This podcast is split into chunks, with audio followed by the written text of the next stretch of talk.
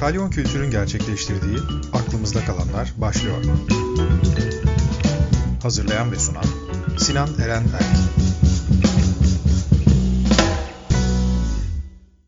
Herkese merhaba. Aklımıza kalanların yeni bölümüne hoş geldiniz. Bugün e, yanımızda Bengisu Bayrak var. Onunla hem sanatsal pratiği üzerinden bir şeyler konuşacağız. Hem de sanat ekonomisi üzerine de bir şeyler konuşmayı planlıyorum. Bengisu merhaba nasılsın? Merhaba, çok teşekkür ederim. Herkes gibi bu tuhaf dönemde var olmaya çalışıyorum. Ee, iyi olmaya çalışıyorum.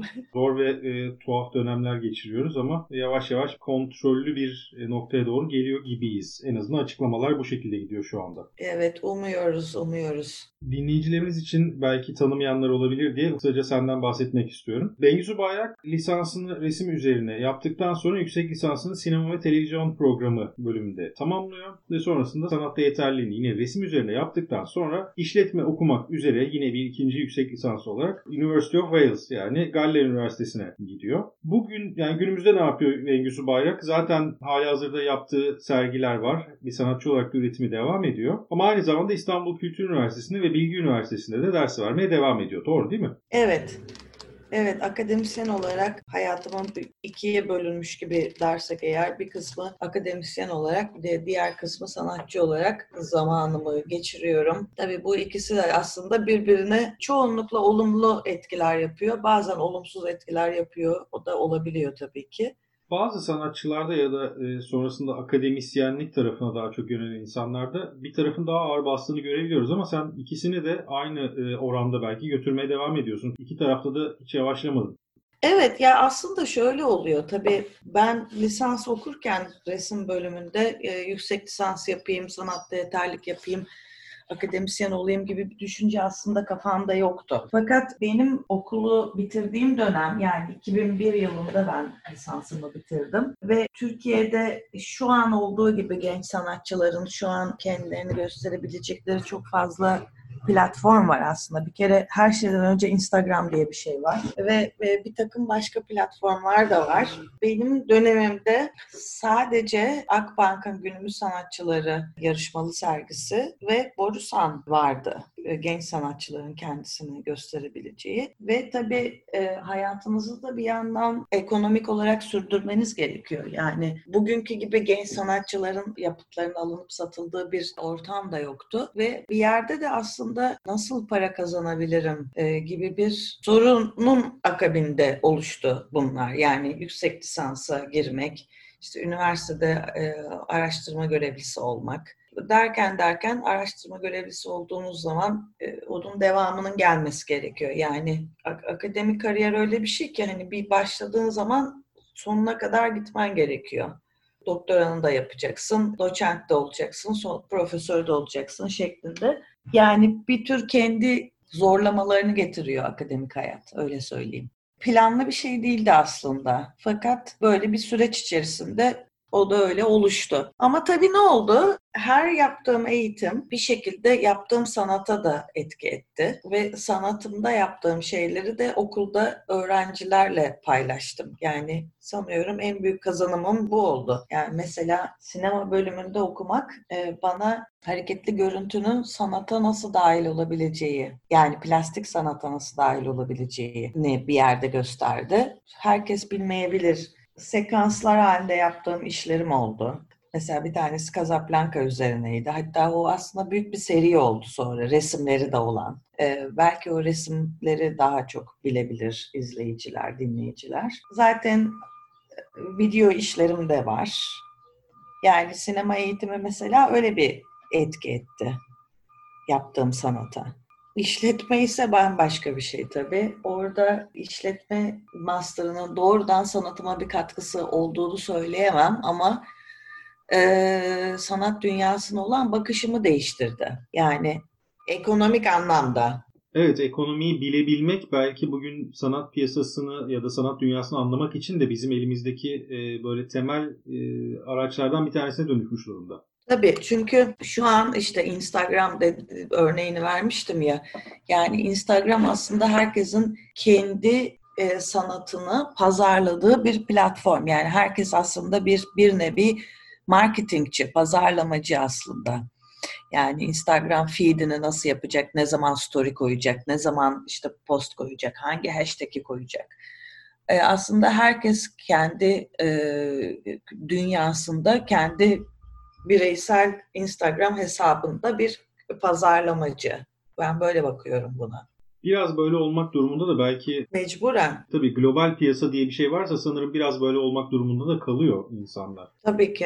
Ee, Bizim tanışmamız yanlış anlamalar sergisine dayanıyor. 2017'de Adahan'da yapılmıştı. Ee, O dönem hem sergi üzerine sonrasında da böyle bir konuşma da yapabilme fırsatı bulmuştuk. Hep beraber, sanatçılarla beraber. O da çok keyifli geçmişti. Ama ondan sonra yakın dönemde senin e, Büyükleri 35'te 2019'da Kağıt Kesiği diye bir sergin oldu. Evet. Sonrasında yine 2019'da Karmaşık Sorular ve Büyükleyici Yanıtlar adı altında Evliyagil Dolapdere'de Beral Madra'nın küratörlüğünde bir karma sergide işlerim vardı. Hı hı. Ve e, son olarak benim hatırladığım ve sanırım da e, en son katıldığın sergi bu oldu. Mikser'de 2020'de e, Biz Aslında diye bir sergide e, işlerin yer aldı. Evet. Zaten sonra da bu pandemi gündemi filan girdikten sonra biz ortada bir sergi göremedik fiziksel olarak. Doğru. Bir de 2019 yılında Çağdaş Sanatta Anlam Sorunu üzerine bir deneme adında bir kitap çıkarttın. Nazan Alioğlu ile beraber. Evet. Bu kitaptan biraz bahseder misin? Ben çünkü o kitabı e, okuduğum zamandan beri içerik olarak da değerli bulduğum bir kitap oldu ve çıkış sürecini de aslında seninle hiç konuşmamıştık daha önce. Tabii memnuniyetle sevindim kitabı beğendiğine. Aslında bizim Nazan, Nazan benim çok e, yakın bir arkadaşım ve bu kitabı yazma fikri de aslında e, kahve buluşmalarımızda e, ortaya çıktı. Hep sanat üzerine, o felsefeci e, çünkü sanat felsefecisi ve estetik üzerine çalışıyor Nazan. Sanat üzerine olan sohbetlerimiz işte kahve eşliğinde yaptığımız konuşmalar dedik birlikte bunu bir kitaba dönüştürebilir miyiz? Yani hep konuştuğumuz, e, kafa patlattığımız, birbirimize sorular sorduğumuz konuları kitaplaştırabilir miyiz? noktasından çıktı bu kitap. Yani en başta aslında hiç belirgin bir planımız da yoktu iskelet anlamında kitabın nereden başlayacak, nerede bitecek gibi bir iskeletimiz de yoktu. Bir yer, biraz yazdıkça ortaya çıkardık bunu. Çok zorlu bir çalışma oldu yalnız. Tabii kahve sohbetleri gibi çok da keyifli değildi tabii her aşaması.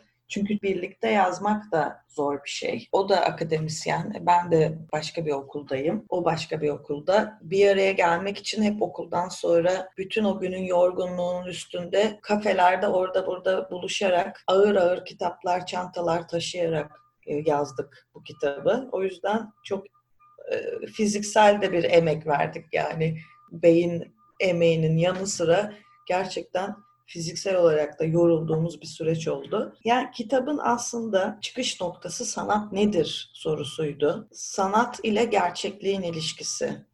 Bu zaten e, antik Yunan'dan beri konuşulan bir konu tabii ki sanat ve gerçeklik ve e, bence herhalde bundan sonra da sanatın konusunu e, büyük bir kısmını içerecek bir mesele sanat ve gerçekliğin ilişkisi ve sanatın ne olduğu. Kitap buradan yola çıktı. Daha önce konuştuğumuzda bu kitap aslında bir noktada bir giriş bilgisi niteliğinde ancak çünkü çok ciddi bir sanat tarihi söz konusu ve bir kitapta ne kadar fazla anlatılabilir ki gibi düşünmüştün. Tabii ki yani böyle bir bunun hepsini anlatmaya kalksan gerçekten ansiklopedi ciltleri gibi ciltler yazmak lazım. Bu bir giriş gibi e, ve aynı zamanda da tabii okuyucunun belli bir bilgi birikimi olduğunu varsayarak yazılmış bir kitap. Yani kitapta birçok şeyi biz atladık. Örnek veriyorum. Diyelim Duşan'ın pisuarından bahsettiğimiz bir yer. E, burada e, Duşan pisuarını nasıl yapmış, şöyle mi yapmış, şudur budur veyahut da pisuar üzerine yapılmış olan bütün o literatürden hiç bahsetmedik. Bunları biliniyor gibi kabul ederek yazdığımız bir kitap oldu. Kendi derdimizi anlatmaya çalıştığımız bir kitap oldu. Yani işte mesela ilk bölümde e, sanat ve gerçeklik ilişkisine e, ontolojik olarak bir yaklaşım sunduk. İkinci bölümde e, estetik sanat eleştirisi ve yorum üzerine bir bölüm yazdık. Güzel konusu, güzelden kopma, estetik güzellik, sanatsal güzellik, işte Arthur Danton'un sanatın sonu dediği Warhol'un 1964 sergisi. Üçüncü bölümde de çoğulculuk konusu ve mimetik yaklaşımların bugünkü kullanımı üzerine yoğunlaştık ve küçük bir bölüm ekledik dördüncü bölüm olarak. Orada da görsel sanatlar eğitiminde kriz diye bir başlık attık buna. Yani görsel sanat eğitiminde bilgi temelli eğitimin biraz noksan olduğunu düşünüyoruz her ikimiz de. Şuraya getirmek istiyorum sözü. Bugün genç sanatçıların işlerine baktığımızda çeşitli platformlardaki bir takım kalıpların ortaya çıktığını görüyoruz. Ve e, bunun da e, aslında endişe verici olduğunu düşünüyorum ben ve Nazan da tabii. Bu temelde aslında e, küçücük bir bölüm ekledik kitabın son kısmına da hani görsel sanatlar eğitimi nasıl olabilir? Bilgi temelli bakışa nasıl kavuşabiliriz gibi bir bölümde o da. Böyle öz ve küçük bir kitap yazmayı başardık. Belki ikinci baskı baskı için daha genişletebiliriz bunu. Aslında çok güzel bir yere değinmiş oldun. Genç sanatçıların yapıtlarındaki benzerlikten bahsettin ama bu belki süreci daha geniş açıdan okumakla günümüz sanatını anlamak ya da günümüz sanatının sanatsal ortamının geldiği yönü anlamak için de bize bir ipucu verebilir. E, bunu şuraya bağlamak istiyorum aslında. Daha öncesinde seninle konuşurken özellikle İngiltere temelli bir okumaya çok daha hakim olduğunu bilerek söylüyorum. Genç e, Britanyalı sanatçılar ekolü üzerinden bir şey konuşmuştuk seninle ve Aha. şöyle bir noktaya geldiğimizi hatırlıyorum. İşte sanat tarihinde 20. yüzyılla beraber önemli birkaç sergiyle beraber e, sanat tarihinin üzerinde durduğu konuların da kırılmalarını gördük. İşte sosyolojik, politik veya sosyopolitik bir takım kırılmalar gördükten sonra 80'lerden itibaren e, bu biraz daha ekonomik bir temele oturmaya başladı ve ekonomik temel ile beraber yapıtların da kalıplaşma sürecine çağdaş sanat ne kadar açık bir zemin oluştursa da girdiğini ufak ufak e, hepimiz sanırım hissetmeye, sezmeye başladık. Özellikle Young British Artist modeli üzerinden düşünürsek sen bu kalıplaşmanın 80'lerden itibaren günümüze gelişini nasıl okuyorsun? Pop art'tan sonra diyelim yani 70'lerle birlikte sanatta bir çoğulcu yaklaşım ortaya çıkıyor. Yani her şeyin, her tür bakışın sanat ortamında yer alabildiği yeni bir ortam. Nedir bu her tür sanat bakışı? Örneğin belli medyumların öne çıktığı dönemler var değil mi? Mesela pop art'ta pop'un belli yaklaşımları var ve bunlar daha çok iki boyutlu düzlemde. Andy Warhol'un resimlerini düşünürsek, Lichtenstein'in resimlerini düşünürsek düşünürsek. E, ama aynı zamanda mesela Oldenburg'un heykelleri gibi çok büyük boyutta heykeller de ortaya çıkıyor. Bir günlük kullanım nesnesinin kocaman yapılmış hali gibi. İşte sonra 70'lerde farklı şeyler de katılıyor işin içine ama bu çokça pop art'a aslında bence borçlu bu şeyi. Çünkü pop art her şeyin sanat olabileceğini aslında gösteriyor. İşte 68 olayları, özgürleşme, feminist çalışmalar, savaş karşıtı protestolar, azınlıkların toplumdaki baskın olmayan grupların öne çıktığı, işte Türkiye'de belki böyle bir şey yok ama Batı dünyasında çok önemli bir şekilde var. Irkçılık meselesi. Tabii bunlar patladıkça herkes bir şekilde sanatını da ortaya koymaya başlıyor çoğulculuk döneminde ve birçok farklı üslup ortaya çıkıyor. Sonra 80'lerde e, sansasyon yaratma daha çok ön, öne çıkan bir şey oluyor. Üç tane şey çıkıyor aslında işte sa- sansasyonculuk, deneyselcilik ve anıtsalcılık. Ama bunlar bir akım gibi değil, bir yaklaşım gibi. Yani öne çıkarılan, parlatılan yaklaşımlar.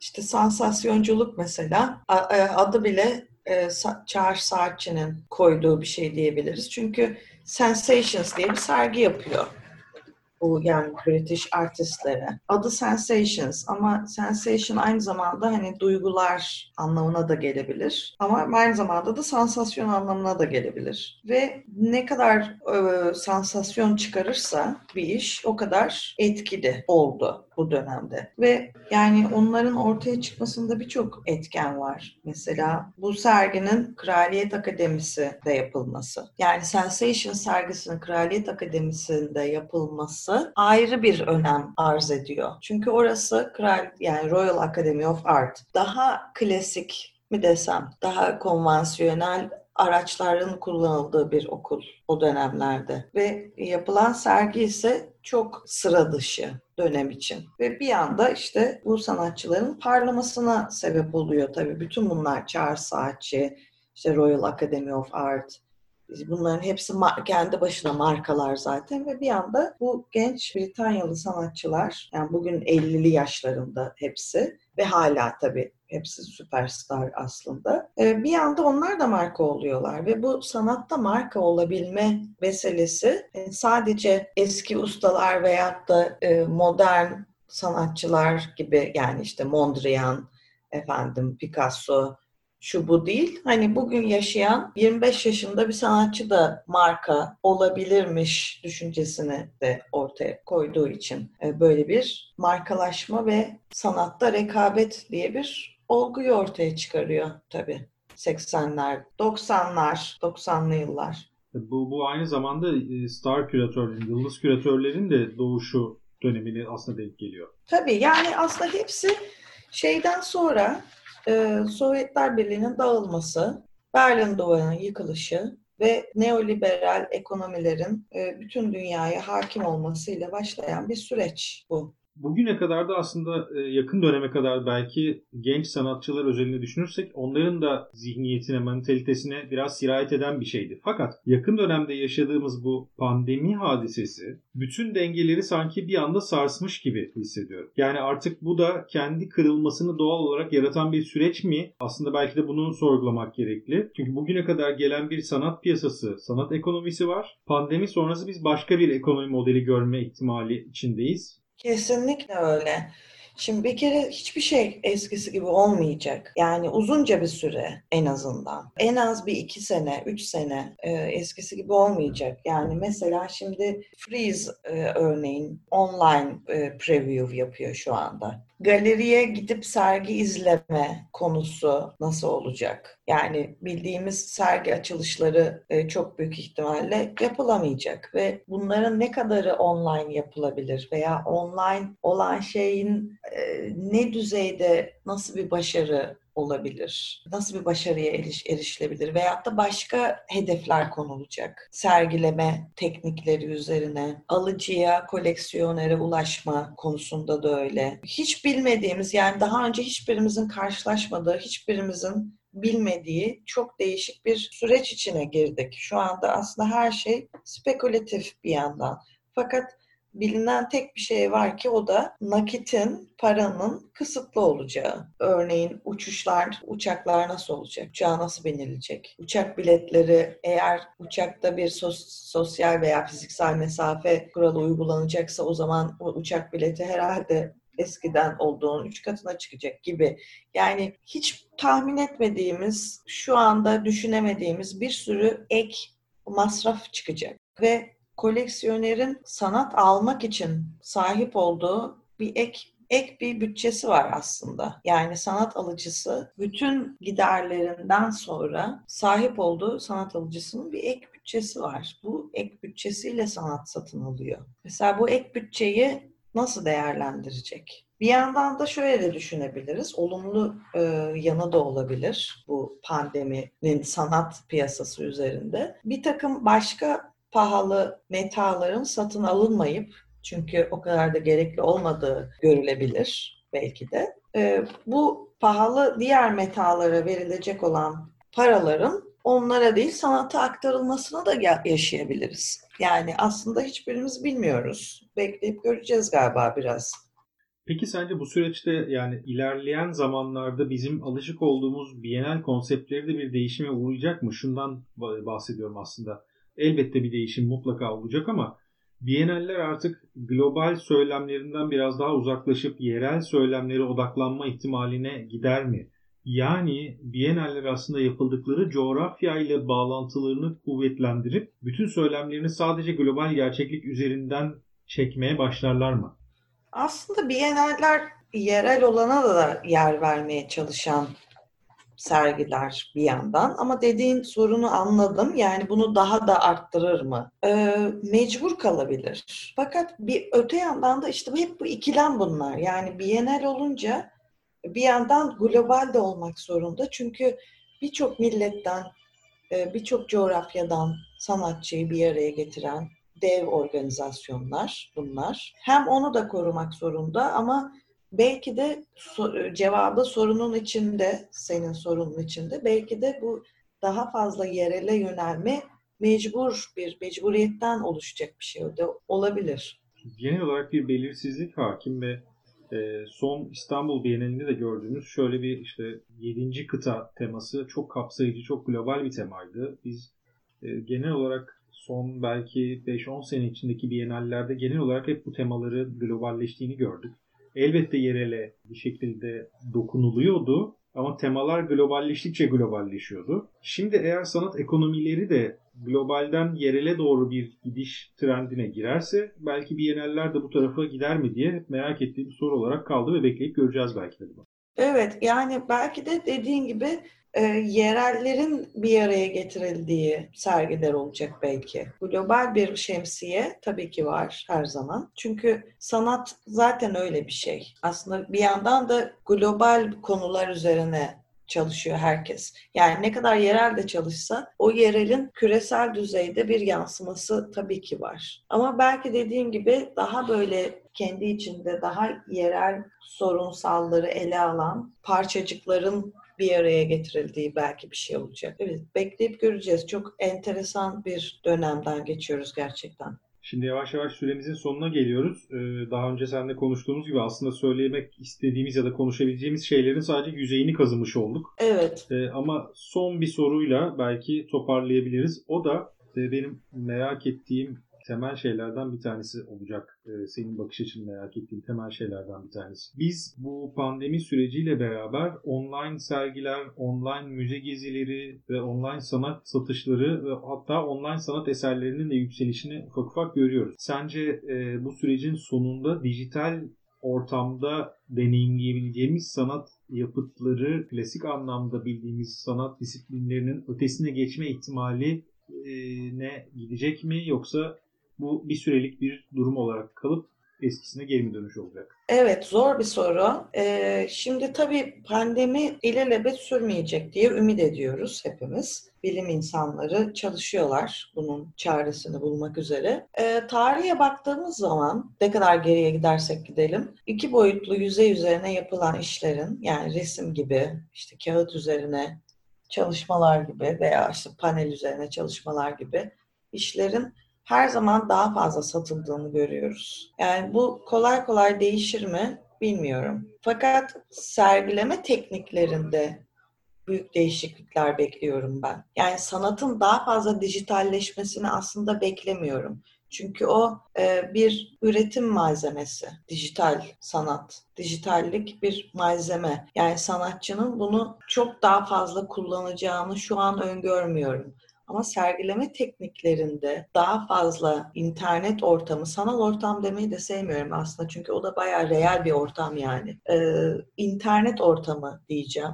İnternet ortamına taşınacağını düşünüyorum. İzleyiciye ulaşma yöntemlerinin değişeceğini düşünüyorum. Bakalım belki bu değiştiği zaman bunun üzerine bir ikinci kitabı da yazabiliriz. Bakalım göreceğiz. Teşekkürler Bengisu katıldığın için programa. Ben teşekkür ederim. Çok keyifli bir sohbet oldu gerçekten. Uzun uzun da konuşabileceğimiz fırsat oldu. Bunu da bahane ederek daha sonrasında yeniden belki farklı şeyler üzerinde yeniden konuşalım isterim. Çok mutlu olurum. Böylece aklımızda kalanların bir bölümünün daha sonuna gelmiş olduk. Ee, gelecek bölümde buluşmak üzere. Herkese hoşçakalın.